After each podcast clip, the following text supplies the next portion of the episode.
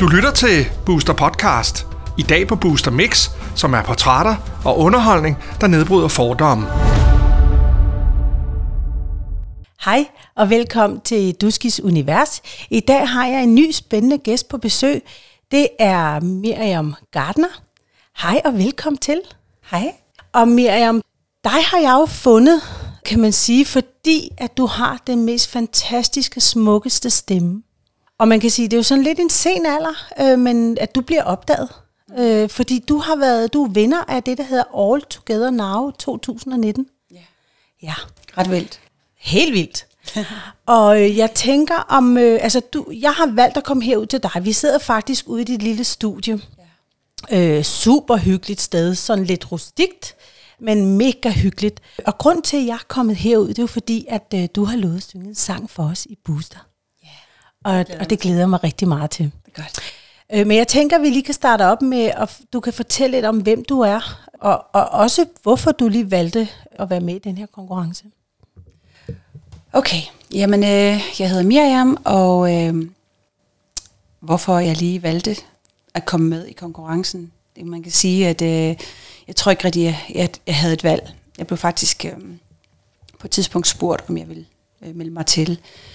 Øh, så, øh, og der tænkte jeg, ah, ej, det, det har jeg egentlig ikke lyst til, fordi jeg har faktisk prøvet at være med i sådan nogle sangkonkurrencer før, og øh, synes jeg ikke, det nogensinde er gået godt, når jeg har været med. Altså de der auditions foran tre dommer, øh, diverse. Altså har du altid sunget helt tilbage fra du var barn? Jeg har faktisk altid sunget. Jeg først, øh, altså man sige, mit første band, det fik jeg, da jeg var, da, da jeg var 14, der kom jeg med i mit første band.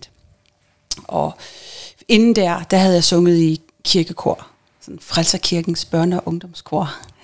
Øhm, og så havde, havde jeg det her med at, at gå og synge derhjemme, og var sådan lidt en hemmelig sanger. Altså jeg havde en drøm, det der med at synge. Altså jeg havde jo nogle idoler, kan man sige, og jeg tænkte, på det tidspunkt, der, der virkede det meget usandsynligt, eller urealistisk. Øhm, det var ikke så populært på, på samme måde, som det er i dag, bare at blive sanger.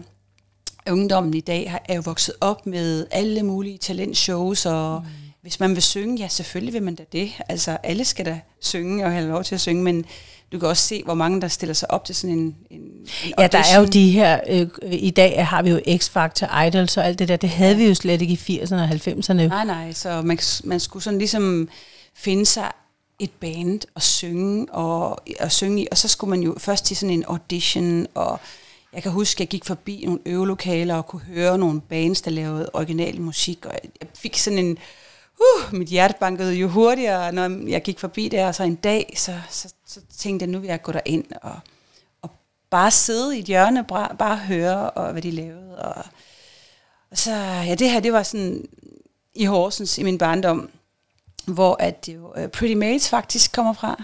Uh, okay. Pretty Mates, det er sådan et, et kendt rockband, jeg ved ikke, du ved, hvem det er. Jeg har hørt om dem, jo. Ja. Men jeg er ikke så god til det med navnene. Nej. Men når du sætter musikken men, på... Men de store øh, i Horsens i hvert fald. Okay. Og, og jeg tror, jeg sådan ligesom på det tidspunkt bare sådan fandt ud af, okay, Pretty Mates, de kommer fra Horsens, og dem skulle jeg også ned og høre. Og så, da jeg så så dem på scenen, det var sådan ligesom, wow. Altså, det, det, det tændte virkelig en, en drøm mm. om at stå på en scene og stå og synge og fyre den af øh, på den måde der. Så, ja. øh, men, men fra at have den drøm til, hvad der egentlig i virkeligheden rørte sig inde i mig, det var sådan ligesom kæmpe generthed faktisk. Altså, øh, der var jo ikke nogen i min familie, som sådan havde sagt, du skal bare være sanger, og det var ikke sådan noget, jo, jeg gik til kor, mm. men det er noget helt andet. Men du tænkte ikke på, at du skulle synge solo? Du tænkte mere på det der med at være med i kor, så du kunne du havde, var måske lidt generet og ikke var bevidst om, hvor dygtig du var til at synge. Overhovedet ikke. Overhovedet tidspunkt. ikke. Jeg måtte sådan gå og at synge og, og øve mig hemmeligt, kan man sige. Så en eller anden dag, så står jeg og synger, og så min far kommer så ind og opdager, eller og hører mig synge, og så, det var næsten helt forfærdeligt, ikke? Altså, um, følte jeg, men han sagde så, hey, du har da talent, du skal da finde dig et band, og, og det var så sådan set det, der skete. Jeg fandt mig et band, og det ledte sig til et nyt band, og et andet band, og pludselig så havde jeg sunget i bands øhm, i nogle år, og fandt ud af, at jeg havde noget power, jeg havde et eller andet. Jeg havde gået og sunget lige siden jeg var barn, men jeg havde ikke bevidst været sanger. Nej. Og så pludselig så, så kom det. Så, um, så det øh, Men man kan jo sige, de bands, det er jo ikke, altså det er nogle bands, altså som I selv, øh, altså var I bare ude og synge sådan privat på kroer, og var det fester og sådan noget, I var til, øh, Altså, jeg kom ret hurtigt med i noget, hvor at, øh, det var nogle unge fyre, som havde store drømme. Og øh, på det tidspunkt, der, det var i faktisk det var i Tyskland. Jeg boede hos min far, som er englænder, men han bor i Tyskland. okay, Og, øh, jeg så er du ikke helt dansk? Nej, jeg er faktisk halv engelsk. Okay. Og, og min mor, hun er dansk. Og jeg er født i Spanien. Nå, Ja, hold da op, på favor, madame. sige, senora. ja, så altså, der, der boede jeg faktisk de, øh, de første seks år i mit liv. Og, Okay. Og det var så der, der, der var lidt musik der. Mine forældre, de havde en restaurant, øh, bar, ting, hvor min far, han sad og spillede på guitar og sang for, for turisterne, og, og han var også kok og sådan noget. Altså, så Han lavede lidt af øh, hvert. Ja, han var faktisk flyttet til Spanien for at blive flamenco-danser i sin ungdom. Ja, og det var så der, min mor, hun var kommet på ferie i Sevilla og så ham her. Den, Den flotte- lækre, øh, Ja, den højeste selvfølgelig af dem alle sammen. Altså, Spanier, de er ikke, de er ikke så høje, nej. nej. så øh, ja, så de mødte hinanden i Sevilla, hvor de så... Okay, ej, hvor blæret. Det ved jeg ikke, det var sådan en... Øh, Det er ikke bare. Det er, jo, det, er jo, det er jo der, du bliver dannet til den, ja. du er, kan man ja. Sige. Hvor er det fantastisk. jo, jo. Så der synger du faktisk, begynder du at synge lidt? Ja, og danse. Jeg stod og dansede flamenco foran mine øh, forældres gæster på balkongen der, fordi at jeg fik jo også flamenco-kjoler og sko Ja, og ja, ja. Så det, det var sådan en sjov ting, man Ja, ligesom bare havde. en sjov oplevelse. Ja, og så gik jeg også i skole i Spanien. Der kommer man i skole, når man er meget ung. Ja. Ja. Altså, jeg tror, jeg var fem år, da var jeg i første klasse, hvis man kunne sige. Hvor mange år boede du i Spanien? Øh, cirka seks år. Okay. Ja. ja. Da mine forældre blev skilt, så øh, flyttede min far til Tyskland med hans nye veninde. Og så senere så flyttede jeg til Tyskland øh, sammen med min lillebror, der er fire år yngre. Og så boede vi hos min far i Tyskland, i noget, der hedder Osnabrück. Og øh, Så du kan både tale tysk og engelsk og spansk og dansk. Ja, det går okay, ikke? Altså, Jo, det må man sige. Men, men, det, men det spanske, det må jeg sige, det skal friskes op. Okay. Men jeg synes næsten lige meget hvilket sprog, så, så, så har jeg accent. Mm. det, det, det er blevet sådan. Altså, Ja. der var på et tidspunkt, hvor, hvor jeg havde en fin British accent, British okay. accent, you know. Mm. Og så, så var jeg i Amerika, og så var jeg i Australien, og så pludselig så er det røget. Mm. Medmindre jeg sådan tænker over det. Mm. Men du er jo meget sådan en åbent menneske. Øhm, altså, du fortalte mig, inden vi startede her, at øh, din far var sådan meget hippie-type. er, er, er, er det noget, du har taget med? Ja, absolut. Mm. Øhm, sådan meget øhm, spontan, øhm, går efter de gode oplevelser, og øh, nogle gange så tænker jeg måske først lidt for sent over, om Hvad du har sagt. hvad det nu var, enten jeg havde gjort eller sagt, øh, fordi det føltes bare godt det øjeblik. Ja. Øhm, han bor ude på landet, i sådan et lækkert landsted, hvor der var du ved, vokset op med græs, enge og skove omkring, og så skulle man bare kravle i træer og løbe rundt mm. i skoven. Og, Bare være børn. Ja, og dyr, øh, katte, hunde, kanin og alt muligt. Øh, økologisk øh, restaurant, som han havde, og hvor, man, Ej, hvor jeg så hjalp med i køkkenet med at lave mad, eller salater og så videre. Så, ja, der var mange ting, men Ja. ja. ligesom omkring der. Men det, der så sker, det er, så bliver du jo voksen. Eller Jo. ung. Og øhm, hvordan, er, altså der, der, synger du stadigvæk der? Øh, du, du finder øh, din mand der. Øh, hvor, hvor gammel var du, da du finder ja, din mand? der går godt nok lige noget tid inden. Okay. Øhm, der var lige sådan en periode, hvor jeg, jeg kom tilbage til Danmark og øh, gik på højskole, og så rejste jeg ud i verden. Jeg rejste til USA, hvor jeg studerede på et øh, konservatorium. Jeg skal bare lige høre, øh, den sådan går af. Ja, den giver lidt ego, ja. Jeg ved ikke, om den er sådan skruet nok op, eller... Okay, bare sådan lige. Ja, ja. Vi, vi Øhm, kører den bare. Det, ja. På et Jeg kan høre dig. Efter, efter jeg var på højskole i, øhm, øh, det var i Danmark, øh, på musikhøjskole, øh, der flyttede jeg faktisk til USA øh, og boede der et år og lavede musik, sådan freelance. Øh, og efter jeg var i USA, der var det så kommet tilbage, og øhm, i USA, der skete der noget ret spændende. Det var jo, at øhm, jeg passede børn for at få nogle lommepenge ud over ud at være Hvor gammel var du der?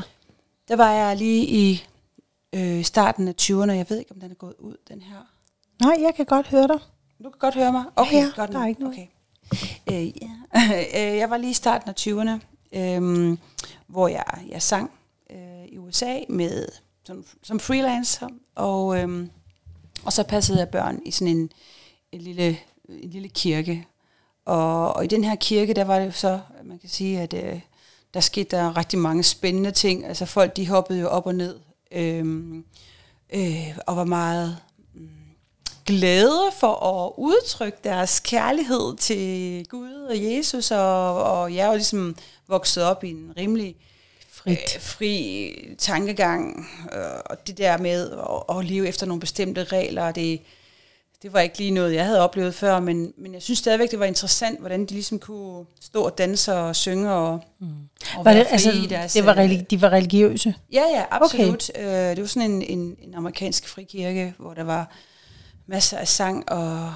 og Er det sådan noget gospel? ja, sådan noget Okay. gospel. Ja, lige præcis. Og, øh, ja, på et eller andet tidspunkt, så, så det er jo klart, så står man der, og man er dansker, og man er på besøg, og folk er meget interesserede i, hvad man går og laver, og man bliver inviteret ind i deres fællesskab, og, og pludselig så stod jeg jo der en dag, og øh, de forklarede omkring Jesus, øh, hvad det var for noget, og jeg synes jo egentlig godt, jeg vidste alt om Jesus, men det her med at bede om Jesus om at komme ind i sit hjerte, det var noget nyt, og, men det havde jeg heller ikke noget imod. Det var ligesom, okay, ja, mm. han kan da godt bo derovre. Ja.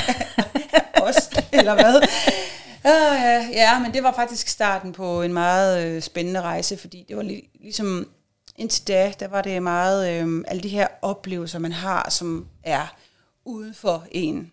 Og lige pludselig starter sådan en, en, en indre rejse i virkeligheden, mm. hvor man ligesom begynder at måske at blive lidt mere bevidst om, hvad man både gør og tænker, og, og, og hvad der er bagved de ting, man, man gør. Og ja, altså jeg har altid været interesseret sådan i åndelige ting og så videre, men det her, det var ligesom skældsættende. Der var sådan ligesom, okay, uh, der skete et eller andet. Altså jeg, mm. jeg vil nok forklare det på den her måde, at komme i kontakt med sin samvittighed pludselig Okay. på mange punkter. Og ikke, som, øhm, ikke fordi jeg synes, at jeg havde rendt rundt og været ond ved folk eller noget, men, men jeg tror faktisk mere Du omkring blev mere bevidst. bevidst om, hvad, ja. hvad, hvad gjorde jeg ved mig selv? Hvad skete der? Hvordan skal man behandle andre og ja, sig og selv? hvordan, og, hvordan, ja, og hvad skal man tillade andre, og hvordan skal de behandle en? Mm. Altså, det er så, sådan set øh, ja. begge veje, og, og det førte jo så bare til, at øh, ja, så da jeg så kom til Danmark et år efter, så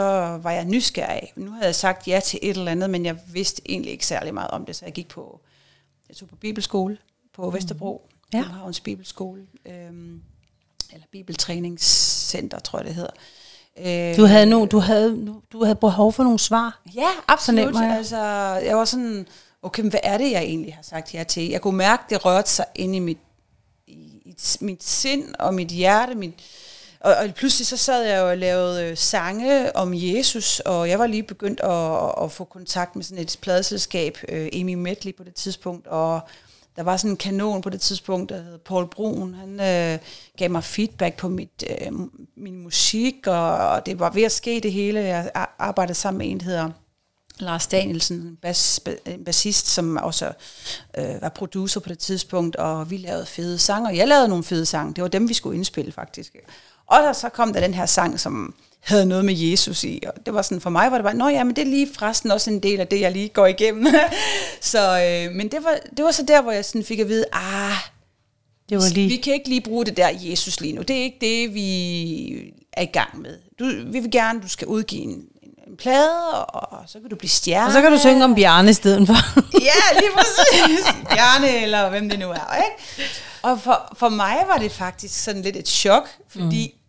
Jeg tror egentlig, det var der, jeg opdagede, okay, det betyder åbenbart lidt mere for mig, mm. end jeg lige var bevidst om. Igen sådan en... Du, var, fa- du havde faktisk taget det ind i hjertet, kan man sige. Ja, ja, det kan man godt sige. Og så blev jeg endnu mere nysgerrig. Hvad er det? Hvad, hvad sker der med mig her? Mm. Øh, fordi jeg faktisk, jeg faktisk sådan sagde, okay, den der pladekontrakt, den, den kan I bare selv beholde. Jeg er nødt til, at- jeg er nødt til at finde ud af, hvad, hvad, hvad der er sket med mig, for siden at det betyder så meget for mig, mm. At jeg ikke må få den sang med øh, på pladen, som hed Joy in the Name Jesus. Okay. okay, det var sådan noget gospel. Mm. Øh, og, det var, og jeg kan da godt se nu, det, det er nemt at se nu, men dengang, der kunne jeg ikke forstå, men det er jo en del af mig. Jeg laver en plade, der, er- hvor jeg Det er dig, udtrykker det er mig. din- jeg, jeg har både ja. kærlighedssang, jeg har øh, du ved, glade, øh, sørgelige sange, alt muligt. Mit liv bliver udtrykt igennem min musik mm. og mine tekster. Ja, Og der er det her altså bare en del af mit liv. Øh, min rejse øh, i USA, det var sådan en af produkterne, kan man sige. Så mm. selvfølgelig synes jeg, det var øh, at, at få sat nogle grænser øh, af et pladeselskab, som selvfølgelig havde gode intentioner, og at man selvfølgelig ville sælge nogle plader. Øh, og det forstod jeg mig ikke så meget på. Nej.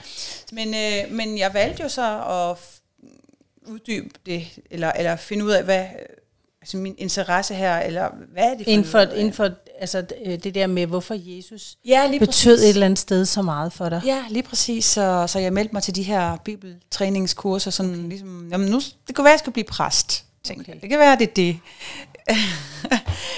Men øh, det var mere, ej, det var igen, jeg tror, jeg sådan på et tidspunkt sådan følte, ah, det er godt nok ekstremt det her. Jeg har prøvet at være i folkekirken, jeg har prøvet at være i, øh, være i øh, nogle kirker i USA, og så var der den her frikirke, skråstreg, øh, øh, bibelskole, hvor man så var der hver morgen Okay. og mødtes en time inden og stod og bad i mikrofonen foran hinanden. Og okay.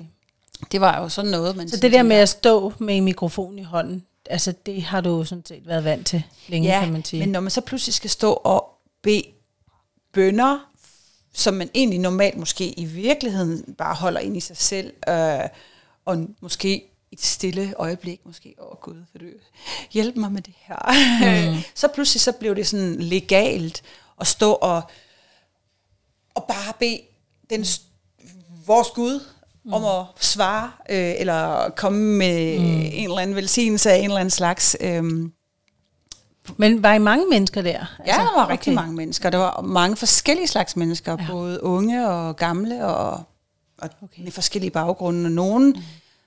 har været ud for rigtig slemme ting, andre er bare, hvad skal man sige, whatever. Ikke? Ja, altså, præcis.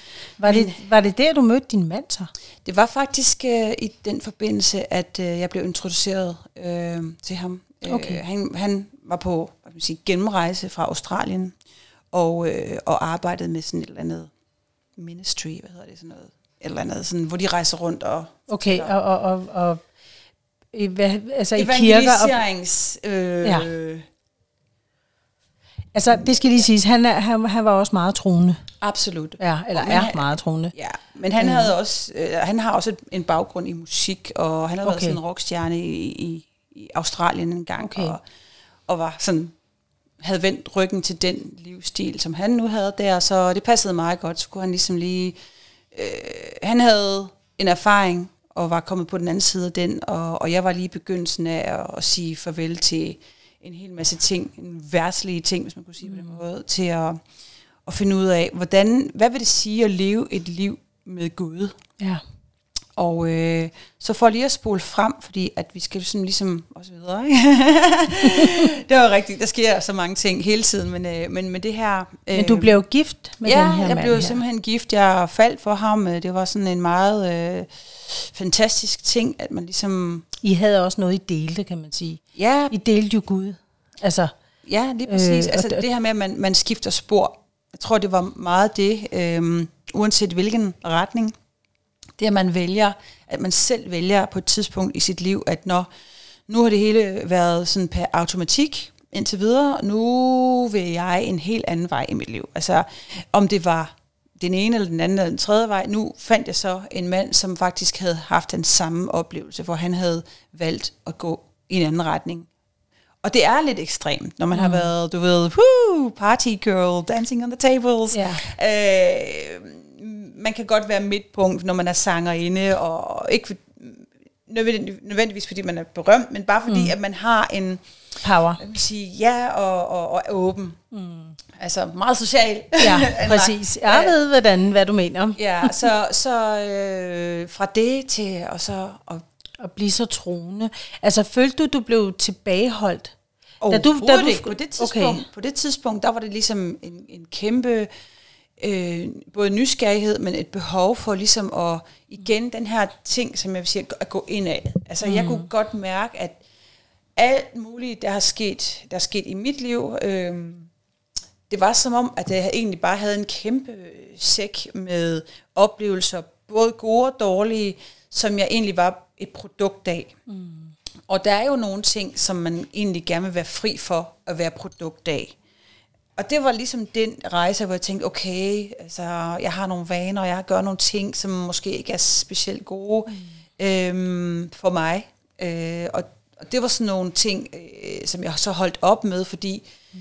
tankegangen er jo det her med, jamen, at, øh, det her med at tilbede en Gud, handler også om at hvad kan man sige, passe på templet, som jo er vores krop. Mm. Og det er der jo mange, der deler den hvad kan man sige, filosofi omkring, Helt at vores sikkert. krop er vores tempel, mm. og det kan godt være, at er for, der er forskel på, hvem der er boss. Mm. Bossen er bossen, eller hvad kan man sige. Men, men, men her var det sådan ligesom en, en rejse begyndte, og hvor jeg ligesom sammen med min mand faktisk sådan begyndte at blive lidt mere Bevidst. bevidst. Ja.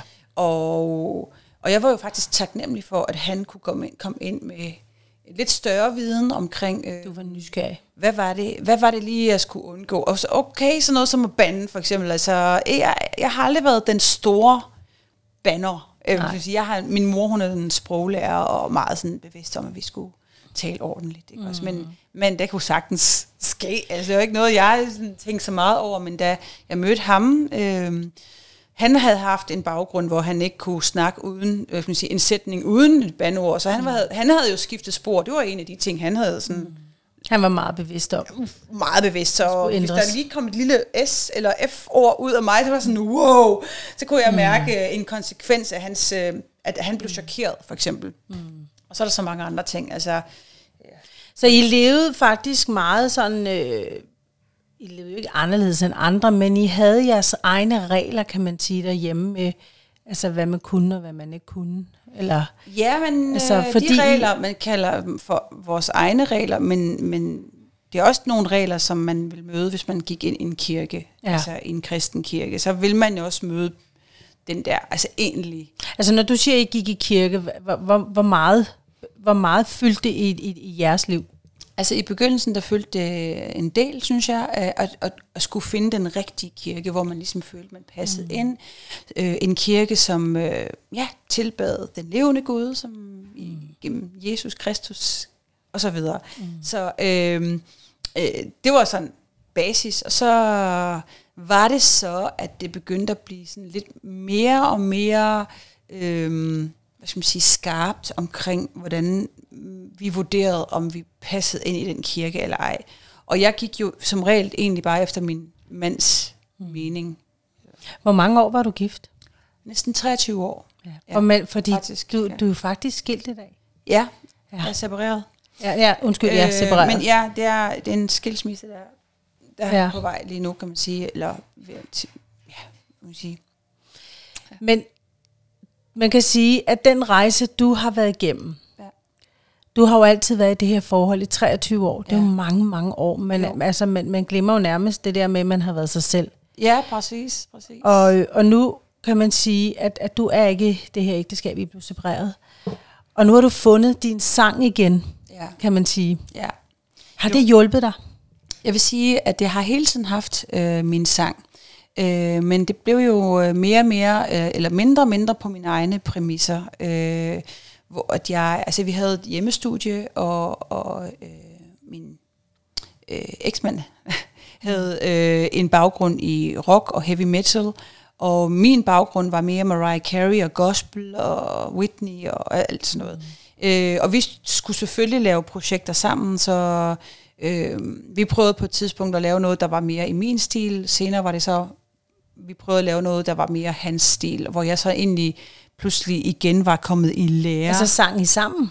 Øh, ja, vi spillede musik sammen. Altså, Okay. han er guitarist, og jeg er sanger inde. Øh, og vi lavede så sangene sammen. Mm. Og for øh, ja, inden jeg mødte ham, der var jeg jo selvstændig øh, mus, hvad skal man sige, musiker, komponist mm. øh, og sangerinde. Og pludselig så blev alt en ting, man gjorde sammen. Øh, hvor jeg sådan egentlig, egentlig kunne mærke, at jeg følte egentlig, at jeg var nødt til at gå på kompromis øh, tit omkring for eksempel stil. Altså nu skulle jeg jo lære den her nye stil, som er lidt mere rocket, og det er jeg selvfølgelig glad for, men jeg savnede jo også at udtrykke mig med min mere, Så man kan sige, der blev-. Jamen, jeg skulle lige til at sige, så den der, altså der, mangler, der mangler lidt af din egen øh, integritet. Altså Ja. det er ligesom om, at du kunne ikke få lov til at være den 100%, fordi du skulle dele. Ja. Men er det, ikke, er det ikke meget normalt, det der med, når to mennesker finder sammen, så, så, øh, altså, så smitter man jo af på hinanden. Absolut, Ikke absolut. også? Altså det var da også meningen, tænker jeg. Øhm, der skal, men der skal være plads til også at være den, man er. Altså, mm. Og så skal man øh, have plads til at være mere end det. Mm. Ikke sådan en, nu skal du lige sætte alt dig til side, eller hele dig til side, og så bare adoptere en ny person. Ja, Eller, hvad skal nej. sige. Men, men det er ikke noget, man tænker over, når man er i det. Nej. Øh, man er i en eller anden form for udvikling, og, og jeg tror egentlig bare, at jeg har bare været rigtig god til at sætte mig selv til side. Mm. Øh, og det blev så egentlig bare en, en ting, man blev vant til, og, og øh, det er også noget, man, man lærer jo den anden person, at det er okay. Mm. Man selv synes, det er okay at sætte sig selv til side, så Men hvad fik dig så til at, at komme ud af det?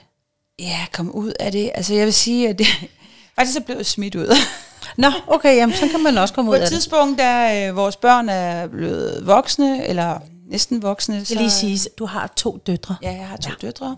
Øh, og øh, på et tidspunkt, der, altså, ja, jeg, har, jeg har altid sørget for at holde et godt glansbillede udad til, hvor vores kernefamilie, vores to øh, søde, skønne døtre, som var havde meget travlt med deres øh, basketballkarriere med landshold, og pludselig så blev de tilmeldt nogle skønhedskonkurrencer, som vi øh, du ved, pludselig blev meget øh, opslugt af. Det var meget spændende, fordi de gik fra at bare øh, have joggingtøj på, og så pludselig, så, du ved, rang, rang ryg og lange kjoler, og mm. øh, masser af styling, og, og de elsker det jo, ikke Ja. også? Øhm, og det var ligesom en, en ny verden, jeg så trådte ind i, fordi jeg blev så spurgt, om jeg kunne tage over øhm, den her skønhedskonkurrence i Danmark, som svensk ejet skøn- skønhedskonkurrence. Og så skulle jeg så stå for marketing, og jeg var i gang med en marketinguddannelse, så tænkte jeg, det er fint, det kan jeg lige bruge som min praktik. Øhm, og det satte nogle ting i gang. Øhm, ja. Den ene ting faktisk, som jeg synes er lidt interessant, det er at jeg ser mine døtre, mm, wow, hvor, hvor er de smukke, og tænker, ja, hvordan, blev, hvordan skete det lige? Og på det tidspunkt, der vejede jeg faktisk 30 kilo mere, end jeg gør nu. Og mens jeg sådan sad der med mine 30 kilo øh, mere end nu, øh, så, så sad jeg egentlig og følte, hvad, hvad er det, der egentlig sker? Jeg, jeg står, og jeg, jeg lever mit liv igennem mine døtre. Mm. Det er fuldstændig som om, at øh, det er lige meget, hvad jeg, hvordan jeg har det med mig selv. Men det Var du en- ulykkelig? Ja. Øh, jeg, var, jeg tror, jeg var ret ulykkelig, men Okay. jeg var ikke rigtig i kontakt med det. Forstår du? Det var ligesom, det var, jeg havde det bare, det var bare normalt. Altså, Kan det have noget liv- at gøre med din positivitet måske? Den måde, du er på, at du tænker positivt, Ja, det tror og jeg. tilsidesætter dig selv, fordi alt, Og alle ja, andre... altså, hvis jeg kan gøre mine medmennesker, eller dem, som jeg er tæt på, hvis jeg kan gøre dem glade, så er jeg, det, det er min glæde. Altså, når jeg ser mine børn øh, er glade, så det er jo det er jo min glæde, og det samme med min øh, mand dengang. Ikke? Det var sådan ligesom, okay, så længe han er glad, så er vi alle sammen glade. Mm. Øhm, det kan jeg så lige fortælle lidt mere om det. Øh, men, men, men jeg sad der og kiggede på de, de her skønhedskonkurrencer og, og, og tænkte, ved du hvad, det kan egentlig ikke passe. Jeg sidder her og har sat mit eget liv på pause øhm, med alt det, som jeg måske egentlig har og går og har inde i mig. Altså, mm. hvornår skete det lige, at jeg holdt op med at udtrykke mig selv? Mm. Og levede. Ja, Og livet. At leve, ja, mit øh, øh, liv. Øhm, der var sådan, der var sådan nogle ting, der ligesom, det gik op for mig, at der var mange ting, der var sat på pause. øh, som jeg ikke havde lagt mærke til, mm. fordi jeg var så opslugt af, af mine børns øh, liv, øh, deres øh, opdragelse, mm. og, og det her med at, at gøre min mand glad. Det var, mm. og, og det er så det, som jeg så senere fandt ud af, ikke også, øh, da, da Grace, min ældste datter, hun øh, går hen og, og synes, hun skal leve sit eget liv på mm. hendes egne præmisser, øh, hvor der, der bliver der vi sådan ligesom uenige derhjemme omkring, øh, om det er okay eller ej. Og det er så der, hvor jeg øh, bestemmer mig for at, at vedligeholde kontakten med min datter, mm. fordi selvom hun ikke længere følger vores regler, så er hun jo trods alt min datter, mm. og jeg øh, elsker hende højt. Øh, så derfor så var det var ligesom, selvfølgelig skal jeg beholde kontakten med min datter, og det betød så faktisk, at, at der kom en konsekvens, øh, mm. hvor at min, min eksmand så siger, men så skal du ikke være her. Og, øh, så, så han, han var villig til at give slip, fordi hun ikke fulgte absolut, reglerne? Absolut. Okay. Øh, og det var jeg ikke. Nej. Øhm, Ej, det må da også have været rigtig, rigtig svært for dig. Ja, fordi øh, jeg, sådan, uh, jeg var ja. faktisk ret afhængig af ham på mm. mange måder. Altså det har jo været sådan en siamesisk tvillingssituation næsten, altså sådan mentalt, øh, hvor man bare deler alle sine tanker og dagligt egentlig bare har den her kontakt mm. til at pludselig at være på egen hånd. Øhm, og, og det, jeg kan sige, den rejse på egen hånd, den startede mere eller mindre på krisecenteret. Mm. øhm, et krisecenter for voldsramte kvinder og børn hvor min øh, ældste datter faktisk øh, hjælper mig hen. Okay. Og, og når jeg siger hjælper mig hen, det var sådan, fordi jeg knap nok helt forstod øh, selv, hvad der foregik her. Og, øh, men jeg var ra- meget ramt af det. Altså mm. sådan, øh, jeg var så ramt af hele den her situation. Jeg var faktisk meget chokeret mm. og forvirret. Øh, mm. Øh, og det gik faktisk ud over, øh, jeg havde fået et job øh, som øh, jeg, jeg var bestyrer af sådan en hudplejeklinik mm. i København, og jeg kunne ikke helt fungere. Øh, der var tusind ting, jeg hele tiden skulle øh, hvad skal man sige, øh, relatere til. Øh, lære, både lære nye ting, jeg skulle lære, men også min familiesituation, der pludselig vaklede. Jeg kan jo sige, at det hele ramlede sammen. Fuldstændig. Og du skulle starte helt forfra. Ja. 23 år efter du faktisk, ja. jeg tror, du har fundet lykken, og ja. du har fået børn, så skal du lige pludselig sætte tid af til dig selv, og det har du ikke været vant til på, på den her måde her. Nej, overhovedet ikke. Men hvad var det så, der fik dig til at, altså fordi i dag, når jeg ser dig i dag, du er ikke 30 kilo øh, overvægtig. Du har jo tabt dig, kan jeg se. Ja. Du stråler jo. Øh, du virker glad og, og harmoni med dig selv. Øh, hvordan er du kommet dertil? Det er, øh, jeg vil sige, øh, with a little help from my friends. Mm. Øhm, altså jeg har faktisk øh, fået nogle nye venner øh, i, i, på den her rejse. Der mødte jeg simpelthen nogle, nogle mennesker, som øh, var i stand til at, at tale til mig øh, igennem alle de lag øh, af, af usikkerheder, af ja, det her med, at man ikke tror en skid på sig selv. Altså, men der var altså nogle, der har været nogle mennesker i mit liv, som har været i stand Var det dit til, selvværd, du manglede der? Fuldstændig, fuldstændig. Okay. Øhm, ikke bare, altså, vil man sige, basis omkring, om man synes, man er smuk eller ej. Det er sådan en ting, men, men, men alt, hvad man gør. Mm. Øh, altså, jeg har været skolelærer i en del år, øh, øh, hvad hedder det, på privatskole blandt andet i 10. klasse. Altså, jeg ved, jeg er intelligent, øh, og pludselig så kunne jeg knap nok finde ud af øh, en helt basis ting øh, i min hverdag. Det var så også der, øh, jeg var på krisecentret, mm. hvor jeg fik rigtig meget hjælp til at forstå, hvad, hvad er det lige, der er sket med mig? Hvad, hvorfor? det er lidt ligesom Havde du nogen at spare med? Altså, ja, der var nogle terapeuter. For jeg ved, du brænder nogle, rigtig ja. meget for krisecentret. Det skal ja. vi selvfølgelig også snakke om. Absolut, ja. øhm, og, og du synes jo, at det er, det, det er noget, altså det er virkelig, virkelig det der med, at, de, at der er nogen, der går ind og hjælper de her krigsramte kvinder her. Ja. Og, og nu snakker jeg ikke om kun at voldsramte, eller hvad ja. hedder det, øh, voldsramte og krigsramte. Mm. Det er jo også psykisk øh, øh, vold. Ja. Det behøver ikke at være øh, fysisk. Nej. Øhm, og det ved jeg, det betyder rigtig meget for dig. Øhm. Det er jo øh, øh, lidt et tabu-emne, mm. ligesom det er, øh, altså alt det, vi sidder og snakker om, det er mm. virkelig, det er behind the scenes. Mm. øh, hende der Miriam, øh, der laver lækre selfies og har faktisk øh, noget succes på nogle områder, altså øh, hvad sker der lige bagved? Og her vil jeg sige, på krisecenteret, der lærte jeg, øh, hvad det var, jeg havde gjort i rigtig mange år. Lige præcis det her med, at øh, og når man skal holde en situation ud, som egentlig ikke er så sund, så har man simpelthen overlevelsesmekanismer, eller overlevelsesstrategier. Mm. Øhm, og en af de ting, jeg opdagede, øh, hvorfor jeg opdagede, at jeg havde noget til fælles med de andre voldsramte kvinder, øh, og når jeg siger voldsramte, så på det tidspunkt tænkte jeg meget sådan, ja, kvinder, der har fået bank, eller mm. tæsket, og sådan nogle ting. Det var det, der i mit sind betød vold. Mm. Øh, jeg sad så og snakkede med dem om, hvordan de havde det, og hvordan de havde overlevet deres øh, situation, og tænkte, wow, det er det samme, som jeg gør. Øh, og efterhånden så fandt jeg ud af, så, så fandt jeg ud af, at øh, resultatet, eller, eller menene, hvis man skulle sige sådan, mm at psykisk og fysisk vold, de minder meget om hinanden. De kan mm-hmm. faktisk øh, ofte være akkurat de samme. Helt sikkert. Øh, så så man kan sige, at øh, jeg har skulle lære, øh, at jeg har øh, været i en psykisk voldelig situation. Mm. Øhm, Men det må i sig selv have været rigtig svært for dig, den der anerkendelse af, at man har været i sådan et psykisk øh, voldeligt, ikke voldeligt, men psykisk forhold i så mange år. Ja. Og fuldstændig tilsidesætte sig selv i ens egen identitet, øh, altså identitet. Ja, men der, der kommer det religiøse jo så ind, mm. fordi at det har været okay.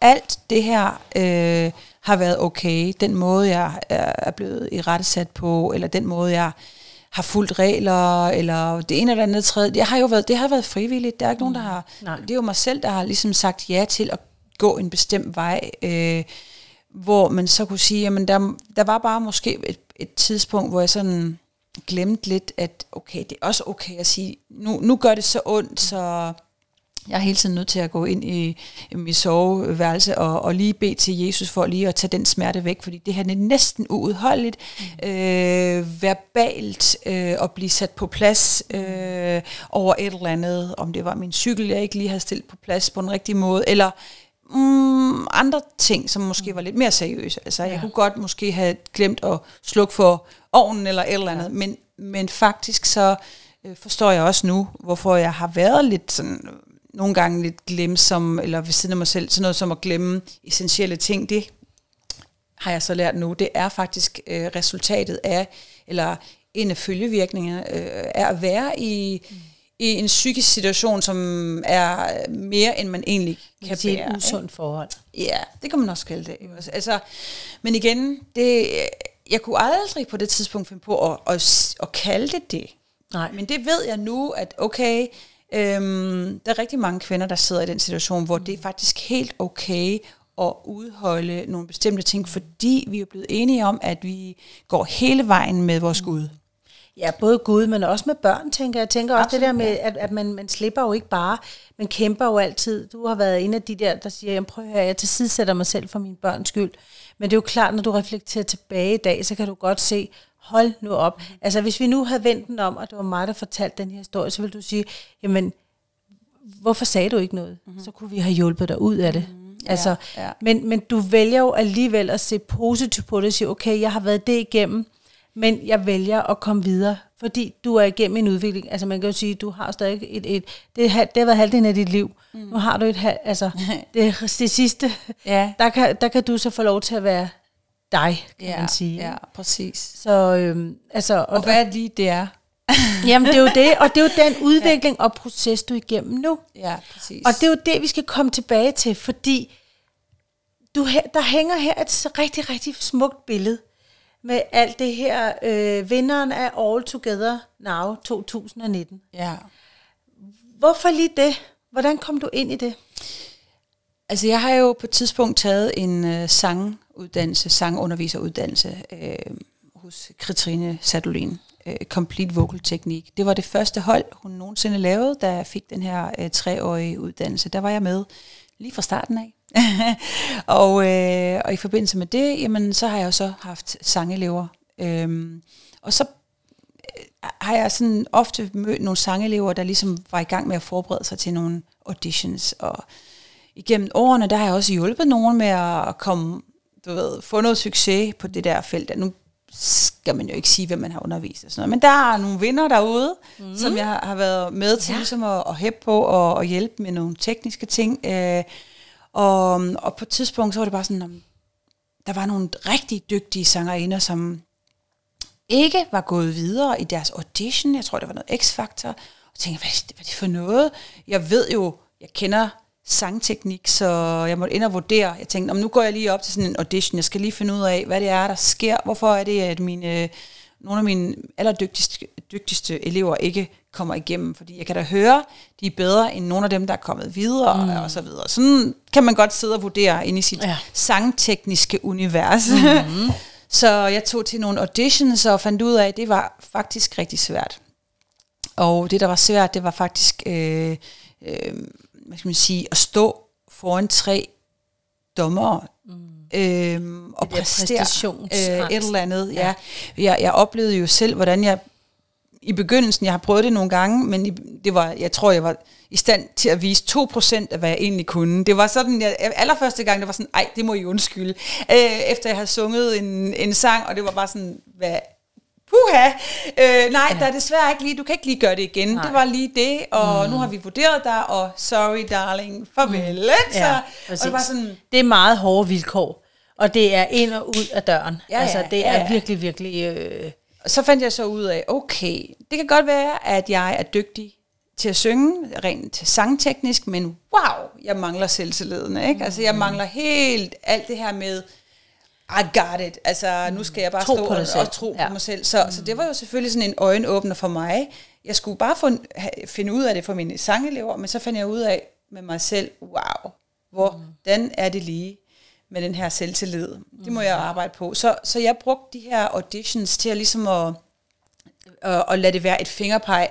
Lige stikke øh, fingrene i jorden omkring, hvor, hvordan står det til nu? Jeg arbejder på det jeg synes godt nok ikke, øh, der skete særlig meget år efter år. Jeg gik til de her auditions, jeg var stadigvæk virkelig usikker, også selvom jeg havde stået og øvet og øvet, og, og, og sangteknisk, øh, sangmæssigt synes jeg da, okay, det var bedre, men følelsen, jeg var stadigvæk mm. så usikker. Jeg var sådan helt, pyha, ikke? Øh, hvordan skal jeg nogensinde, hvad, hvad er det, hvorfor kan jeg ikke føle mig sikker? Hvad er det, jeg skal mm. gøre for at komme dertil? Tror du, det har noget at gøre med din fortid?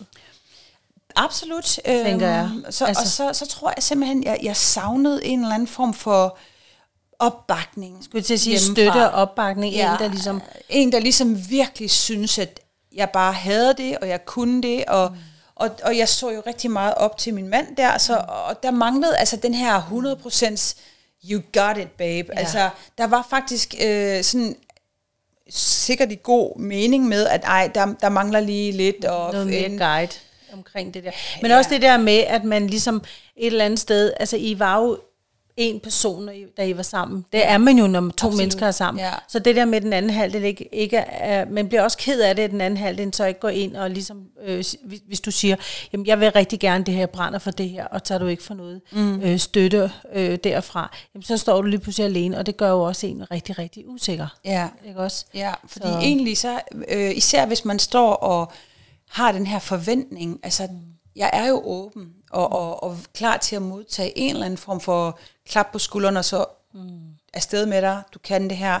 Men det var mere sådan, ligesom, er det okay? Hvad synes du om, er den her øh, kjole okay? Og sådan ligesom skulle hive ja. det ud af en person, som man egentlig ser så meget op til, for eksempel. Ikke? Så det var sådan lidt... Øh, oh, det var hårdt faktisk at komme til audition, så, og så på et tidspunkt, så var det bare sådan, nej, det gider jeg ikke mere.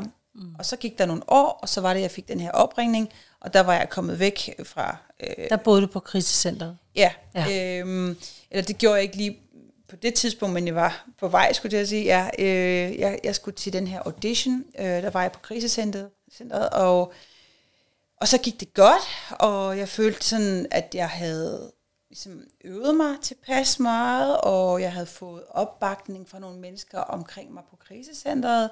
Øh, jeg var blevet lidt mere bevidst om, hvad det var, jeg stod i.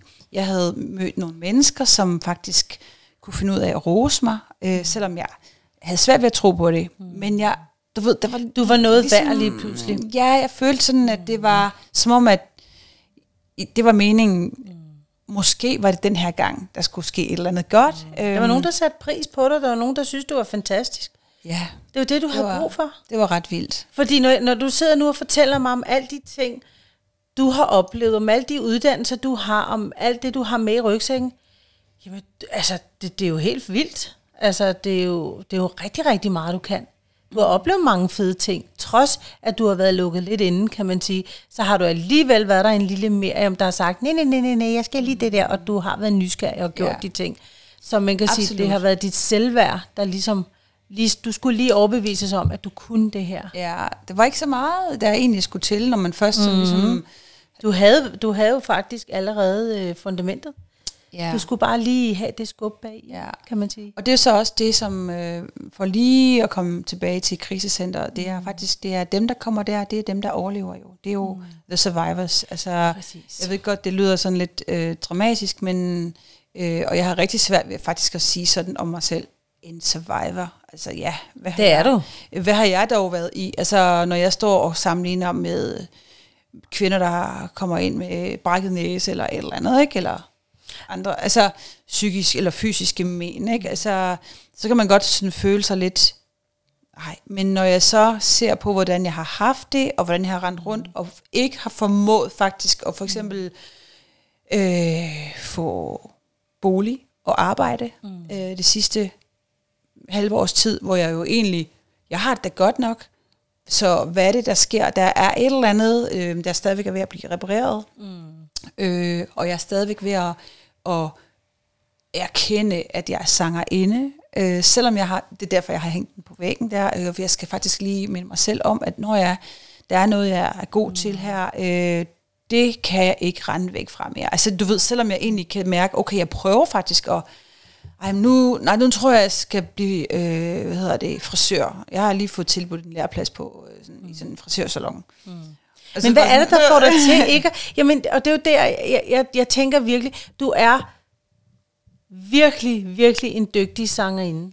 Og jeg er helt sikker på, hvis ikke i Danmark, så i hvert fald i udlandet. Og jeg tænker, nu har du to store døtre, de flytter hjemmefra og sådan noget. Hvad er det, der holder dig tilbage? Hop ud i det. Ja. Altså, fordi du har en... Og og jeg glæder mig virkelig til at dele Miriams musik lige om et øjeblik, fordi du er helt fantastisk. Altså, du synger med hjertet, du, og du har den, det smukkeste, smukkeste stemme. Altså, øh, og jeg tænker, der er jo en grund til, når vi nu kigger op på, det, på billedet der, at der er en grund til, at du har vundet den her konkurrence. Ja. Det er en konkurrence. Ja. Så det vil sige, at du blev mm. nummer et. Så altså, giver det ikke dig... Øh, er det ikke det, der burde det give dig den power til at... Og du må godt sige, ja. fuck, hvor er jeg god. Undskyld, jeg må bande, Ja, men ja, jo, jo, forstå mig altså, ret. Nej, hvor er jeg bare god, ikke? ja, ja. Jeg har faktisk øvet mig øh, her sidst. Jeg havde lige en periode sidste år, hvor jeg lige øh, var nødt til at prøve at bande lidt. Indtil, indtil jeg synes det var fjollet. Det var sådan, Okay. okay. Men jeg gav mig selv lov til ligesom at Ja, lave med det. nogle ting. Du ved. Og så, du ved, lidt ligesom sådan en ung, sådan en, der sådan ligesom, en 14-årig, der skal gøre lidt oprør, ikke? Mm. Men altså, så, Nå, men nu har du også, du havde også lige 23 år, ikke? Du ikke fik lov til, så man Ja, kan og så sige, du har man meget af, til gode, hvad, ikke? Hvad, hvad er det egentlig, der er øh, hvad hedder det, oprør, og hvad er det, jeg egentlig har lyst til. Ikke? Altså, men jeg fik en bog, den hedder Skilt, men ikke fra Gud. Mm. Og det var sådan set der, hvor jeg sådan er begyndt at sige, okay, og jeg har lagt rigtig meget væk, øh, givet mig selv lov til ligesom at sige, nu skal jeg finde mit nulpunkt igen, og så tage den derfra. Mm. Hvad er det, jeg egentlig tror på? Det er ligesom en, en lidt en forvirrende fase på en måde, fordi man har alle de her regler, på den anden side, så siger man, nej, jeg er nødt til at lige nu, nu er jeg nødt til at give slip på det hele. Får du skyldfølelse? Absolut, ja. Det absolut, tænker jeg, altså, når man i så mange jeg kan år- ikke helt, øh, du ved, der, altså, det det er svært at komme ud af en tankegang, der siger, du må ikke blive skilt. Og hvis du skulle blive skilt, så må du ikke blive gift igen. Mm. For det er sådan en, en ja. tankegang, jeg kommer fra, mm. og, og så øh, når folk de kommer og spørger mig, jamen hvad er du begyndt at date igen? Eller date? Jeg skal lige have min, øh, jeg skal lige have mit øh, verdenssyn på plads først. Hvad er det, jeg egentlig øh, tror Ja, på? Ikke? Altså, præcis. Øh, Du skal jo lige finde dig selv, jo. Ja. Og det er jo igen, det er det, vi snakker om før, en, en del af din øh, øh, udvikling, ikke? Så... ja. Men Miriam, jeg kan se, at du er i gang med at finde mikrofonen frem. Øh, du vil rigtig gerne øh, synge en sang for os, og det glæder jeg mig jo til. Øh, hvorfor du har valgt sangen øh, Shallow? Den, som øh, Lady Gaga øh, synger. Ja, altså jeg har valgt øh, sangen Shallow, Både fordi, at øh, det selvfølgelig, ja, det var den første sang, jeg sang øh, til øh, All Together Now, øh, konkurrencen, hvor jeg kom videre i finalen. Mm. Og, og det var min første sejrsoplevelse, øh, efter jeg var kommet ud, eller mm. væk fra, fra det ægteskab, øh, hvor at jeg fandt ud af, at jeg kan godt selv. Mm. Øhm, og, og det var sådan en, en vanvittig kæmpe, kæmpe sejr for mig på mange punkter. Bare det, at jeg kom videre i, til finalen, uanset mm. hvad der skulle ske, havde jeg bare sådan... Og så teksten, det her med at bryde igennem overfladen. Jeg havde prøvet at stå og sige et eller andet klogt der til selve mm. øh, konkurrencen, men, men, men når jeg, altså, det kan jeg måske sådan gøre nu. Altså det her med at bryde igennem overfladen, altså igennem ens egen overflade. Fordi det er jo det, hvis man har, jeg vil sige, billedligt talt, holdt vejret øh, under vandet i over 20 år, mm. og så pludselig skal op og begynde at trække vejret. Så hoster man. Øh, så hoster man lidt, mm. og, og man kan virke lidt øh, mærkelig, mm. øh, til man lige begynder at, at svømme og, og finde ud af, okay, og så lige frem måske komme på land. Oh. Mm. og det er jo den, øh, hvad skal man sige, øh, rejse jeg er på, og det er det, som den her sang, den øh, for det mig betyder. betyder noget om at, at ture springe i, og så bryde den der overflade. Øh. Lækkert.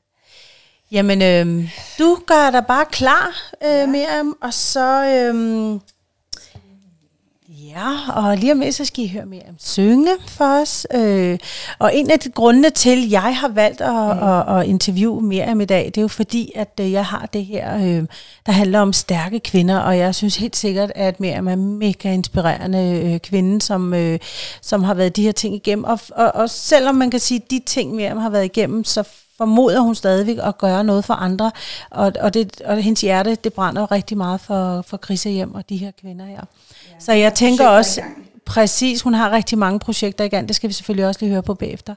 Så, men jeg tænker, vi lader lige mere øh, synge den her sang her. Okay, jeg øh, finder lige... Hun finder den lige frem.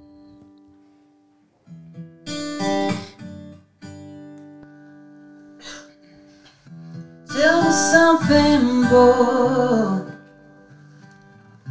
I get tired trying to fill that void. Or oh, do you need more? Ain't it hard keeping it so hardcore? I'm falling. And all the good times I find myself longing for change. And in the bad times, I feel myself.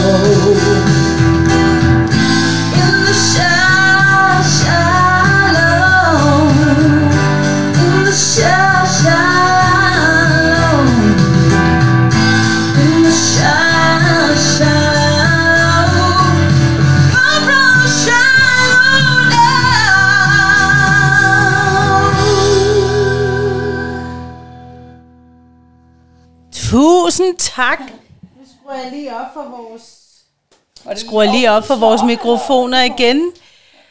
Ej, hvor var det smukt skrevet. Jeg får nærmest tår i øjnene af det. Altså, det er så smukt, så smukt, så smukt. Så, men mere, hvor, øhm, hvad skal der ske nu med dig? Nu skal der ske det, at øh, jeg begynder at tage mig sammen og få skrevet noget musik. Mm. Øhm, jeg er så småt, så småt begyndt at øh, skrive øh, både selv, men også øh, med lidt samarbejde med nogle mm. andre musikere. Ja. Og, øh, og jeg skal synge videre. Altså, jeg skal synge i noget... Jeg har noget coverband, som jeg er ude med... Øh, cirka 25 gange om året, når der ikke lige er coronakrise. ja, det er jo det. Det er jo ret svært, man kan sige, at være sanger og kunstner i dag. Det er, det, det er ikke så nemt i Nej, de her der, tider her. Der, der, lige, øh, der, der var lige blevet aflyst nogle ting der. Så, så ud over det, så har jeg min business, øh, Face of Scandinavia, som jeg udviklede øh, efter, øh, eller i forbindelse med den her skønhedskonkurrence ting, mm. som jeg var chef for øh, der voksede min interesse for selvfølgelig mode, det har det altid været, men øh, marketing, branding mm. og fashion, øh, i forbindelse med, at jeg har haft sendt, sendt de her modeller afsted, så, så mm. har jeg lavet mange fotoshoots, øh, og så fandt jeg bare ud af, okay, jeg selvfølgelig en del af det, det er at spørge nogle sponsorer, om de kan øh, sende sådan en pige afsted. Øh, det kunne være måske tøj, makeup, sko, alt muligt. Mm. Øhm, og så laver man noget øh, marketing for de her okay. Øh, firmaer, som, som enten Fedt. sponsorerer eller giver noget, eller sådan mm. noget. Ikke? Så, så det var det. Øh, så fandt jeg ud af, ja, men jeg vil egentlig gerne have mit eget brand. Når jeg alligevel er i gang, ja. så, så burde jeg egentlig også lave noget reklame for mit eget brand. Så jeg er mm. faktisk i gang med at finde ud af, hvad det er for noget tøj, øh, jeg gerne vil sælge. Okay. Øh, sådan, øh, om det bliver ja, altså hvad, hvad for en retning jeg skal ud i. Mm. Øhm. Så man kan jo sige, du øh, du starter, starter godt nok for scratch, men øh, ja. du har jo vilde idéer og ja. masser af power, kan jeg se. Så, ja. Så det er fedt. Ja, så når man øh, sælger tøj, så laver man også øh, mode øh, shows, mm. altså fashion shows, og det er jo så der, hvor det er lidt den her, den her udvikling for at have lavet skønhedskonkurrencer, så mm. kan man jo godt lave en, så jeg laver en modelkonkurrence, okay. øh, hvor man som regel laver en form for charity øh, arrangement okay. blandet eller flettet ind i det. Og det er så her, hvor at jeg har tænkt mig at øh, have fokus på Dansk Kvindesamfunds krisecenter for voldsramte okay. kvinder og børn, hvor at øh, der skal komme nogen, der kommer også og taler om både livet som, hvad skal man sige, hvordan er det at være leder, eller hvordan er det at arbejde i et krisecenter, men, men også et par historier fra nogle kvinder, der har været igennem. Fra virkelig verden. Øh, ja, øh, og det er sådan set øh, et meget spændende projekt, fordi at øh, jeg tror, der er rigtig mange, som ikke ved, hvad de står i. Mm. Og de skal høre nogle andre folks historier for at kunne genkende. Jamen også det der med at tør hoppe ud i det. Der sidder jo stadig nogle kvinder rundt omkring ja. hjemmet, som Præcis. ikke tør frigive sig, øh, ja. øh, som, ikke, som ikke tror på, at der er hjælp at hente. Mm. Og det vil jo, man kan sige, det er et budskab for ja. dem, der, der skal være mere fokus på det. Lige jo, præcis. Øh, psykisk vold blev øh, kriminaliseret sidste år. Okay. Sjovt nok. Øh, og i den forbindelse, så har jeg foreslået, at man skulle Måske øh, tilføje nogle flere øh, symptomer på øh, brochurerne. Der ligger sådan nogle brochurer rundt omkring i hele mm. landet, øh, hvis man... Øh, ja, om krisecenterne. Hvis, okay. Til kvinder, der ligesom måske lige får sådan en i hånden. Øh, der skal man jo kunne genkende øh, symptomer, eller øh, ja, det man står i, øh, giver det genklang, når man læser om det i sådan en brochure. Mm. Jeg synes, det var svært. Jeg ja. synes, det var svært at genkende mig selv på de punkter. For, fordi den måde, det er formuleret på, der var det sådan ligesom, ej, ej, så slemt har jeg det i hvert fald ikke. Det er den der øh, selverkendelse, den der, nej, det er ikke mig. Ja. Alle andre end mig. Lige præcis. Ja. Så øh, når jeg så pludselig øh, kan se på den anden side, okay, havde jeg nu haft nogle punkter, der havde nogle sætninger, der kunne have øh, triggeret min forståelse og ramt mig, så ville jeg måske have meldt mig ud, kan man sige, af den situation meget tidligere. Øhm, øh, men her var det så sådan ligesom, det er så en af de ting, jeg, jeg gerne vil foreslå og, mm. og have et samarbejde omkring. Øhm, det er jo kommunikation øh, om et område i vores samfund, som vi ikke har snakket så meget om, som jeg føler stadigvæk er en lille tabu. tabu. Ja. Øh, det er også derfor, at rigtig mange af mine venner og veninder aldrig har sagt noget til mig. Først da jeg var, øh, da jeg havde forlo- øh, forladt øh, den situation, så var det sådan, ej, endelig Miriam, de har ikke kunne sige det til mig, fordi de, selvom de kunne se det, så var det bare sådan, at øh, jeg var jo bare godt i gang med bare at skabe glansbilledet. Det, er jo, mm. det, det kræver jo også arbejde i sig selv. Øh. Mm. Så, så det har der været rigtig mange, der har sådan sagt... Øh, Men "Ej, du har jo det, heller aldrig bedt om hjælp. Absolut ikke. Nej. Jeg følte jo ikke, jeg havde brug for hjælp. Det går Nej. skide godt, det her. Så er det jo at også svært. Børn, Jamen, det er jo det. Så det går bare godt. Ja, ja, jeg, præcis. jeg laver også spændende projekter, og jeg er skolelærer, og jeg er ude at rejse i New York øh, med mine elever. Altså, der var sådan alt for mange gode ting, øh, der skete, til at jeg ligesom havde tid til at kigge på det, der ikke var så godt. Det var mm. først senere, da jeg ikke kunne afslutte min øh, uddannelse på et tidspunkt, hvor jeg øh, ikke kunne udføre mit arbejde øh, i hudplejeklinikken, som, som jeg lige var startet i, og, og jeg skulle afslutte en eksamen. Altså der var sådan, hey, hvor blev min hjerne lige af? Det var mm. som om, at der var lidt øh, dyt, dyt, dyt, dyt, dyt. Mm. sådan en maskine, der ligesom er på vej ud. Eller, mm.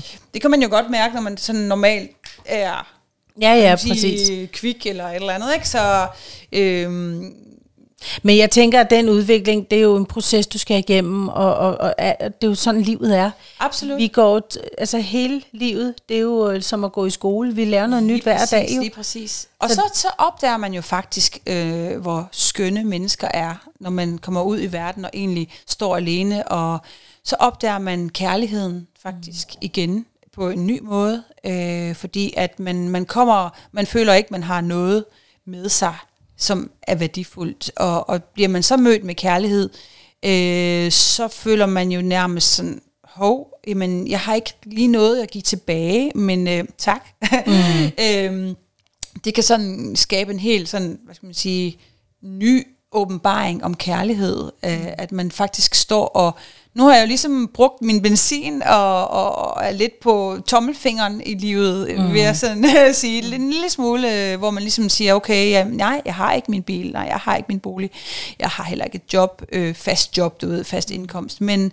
Men, Men du er lykkelig. Ja, men jeg vil sige, jeg er ved at, altså jeg elsker den fred i at vågne op og, og ikke skulle have en diskussion om ting, der mm. skulle have været på plads, eller mm. nu er det mit liv. Det er dikteret.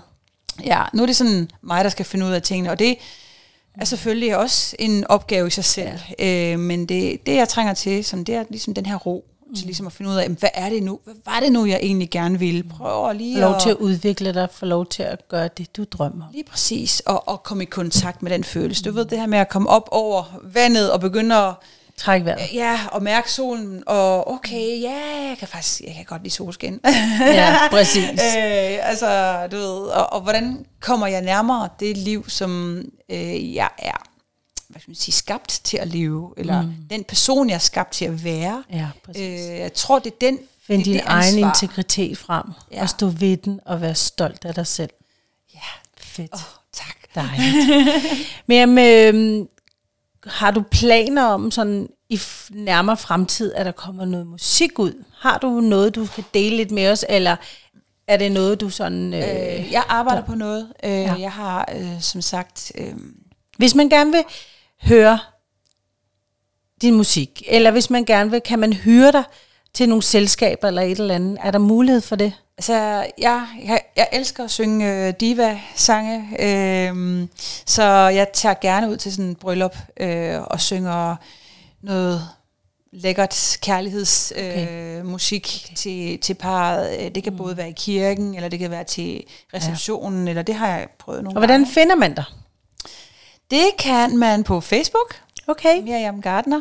Okay. Øhm, og man kan også finde mig på Instagram, Okay. miriamgardner.dk. Mm. Og der kan man også høre nogle små lydklip, både fra Ja, sangkonkurrencen, og så, så er jeg begyndt at lægge en lille smule op af nogle små eksperimenter, øh, mm. musikalske eksperimenter, øh, okay. jeg har i gang. Øh, og det her med originaludgivelser, øh, det er på, hvad skal man sige, jeg kan ikke sige nu, hvornår, men jeg. Nej. håber inderligt, at 2020 trods alt bliver det år, hvor jeg udgiver mm. øh, noget ny musik. Juhu! Øh, men jeg skulle, ja, lige præcis. Ja. Men jeg tror, at øh, pausen er egentlig okay i forhold til, øh, alt var blevet aflyst, fordi det har givet mig lidt mere tid til at finde ud af, Reflektere hey, lidt. hvem er det, jeg lige er i musikken? Mm. Øhm, det kræver også lige Ja. en slags du ved, meditation nærmest, mm. til ligesom at huske sig selv på, Ja. eller genopdage, og jeg vil så også sige, udvikle på ny. Øh, Jeg er begyndt at lytte til nogle nye kunstnere, som jeg sådan, måske aldrig vil have lyttet til før, men jeg, sådan, jeg er i gang med faktisk at få inspiration. Mm. Så jeg er der, hvor... Selvom Fordi du vil gerne finde dig selv, din egen, altså du vil gerne få en, masse inspirationer ud fra det, der. Ja. fordi man kan sige, du kan jo synge, du har vokalen, altså, så du mangler egentlig bare lige det sidste. Ja, hvad er for en Så- ramme? Hvordan Ja, skal, hvor passer du ind? Lige præcis. Ja, hvordan, hvordan skal min stemme egentlig præsenteres ja. her i den her verden? Ja. Øh, Smart. Nu har jeg prøvet sådan noget heavy metal, øh, Øh, nej. gothic, og så har jeg, nu har jeg været til det var den her konkurrence. Det var sådan Ja. de her skønne ballader, og, mm. og der er noget i det, som mm. jeg faktisk godt kan lide. Der er faktisk noget power og noget inderlighed, og det ja. beskriver jo også mig. Øh, jeg har masser af passion, og jeg har noget power, og, og jeg... Og jeg tænker også, at, at skulle der komme en sang med Jesus Christ, så går det nok. Ja, ikke også? altså, jeg kan ikke love det vel, men øh, det kan godt være. Ja. Ja. Altså, øhm, jeg har jo, jeg kender jo nogle folk inden for gospelmusikken, mm. og det kan da godt være, at man fik et samarbejde der på et tidspunkt. præcis. Der er mange Øhm. dygtige sanger, vi har herhjemme inden for det fag, ved jeg. Ja, rigtig Så- mange, ja. Fantastisk. Så Men se. Miriam, øh, vi skal til at runde af. Ja. Det var super hyggeligt at komme forbi øh, dit hyggelige studie her. Tak. Øh, jeg følger godt med på sidelinjen her, det skal du vide, fordi jeg er jo fan af dig. Øhm, ikke kun som sanger, men også som person, for jeg synes virkelig, du er et fantastisk menneske. Og jeg er super glad for, at du gider at, at, at lave det her podcast med mig. Så øhm, tak for det. Tak for dig. Øh, selv og tak. Tak, tak fordi for i jeg dag. måtte udgive lidt af min øh, indre univers. Ja. Kom, mit indre univers mødte Boosters univers. Præcis. Og Så vi er i tak hvert fald det. glade her på Booster Universe. Ikke? Tak for det. Tak for det. Hej. Hej. Du lytter til Booster Podcast. I dag på Booster Mix, som er portrætter og underholdning, der nedbryder fordomme.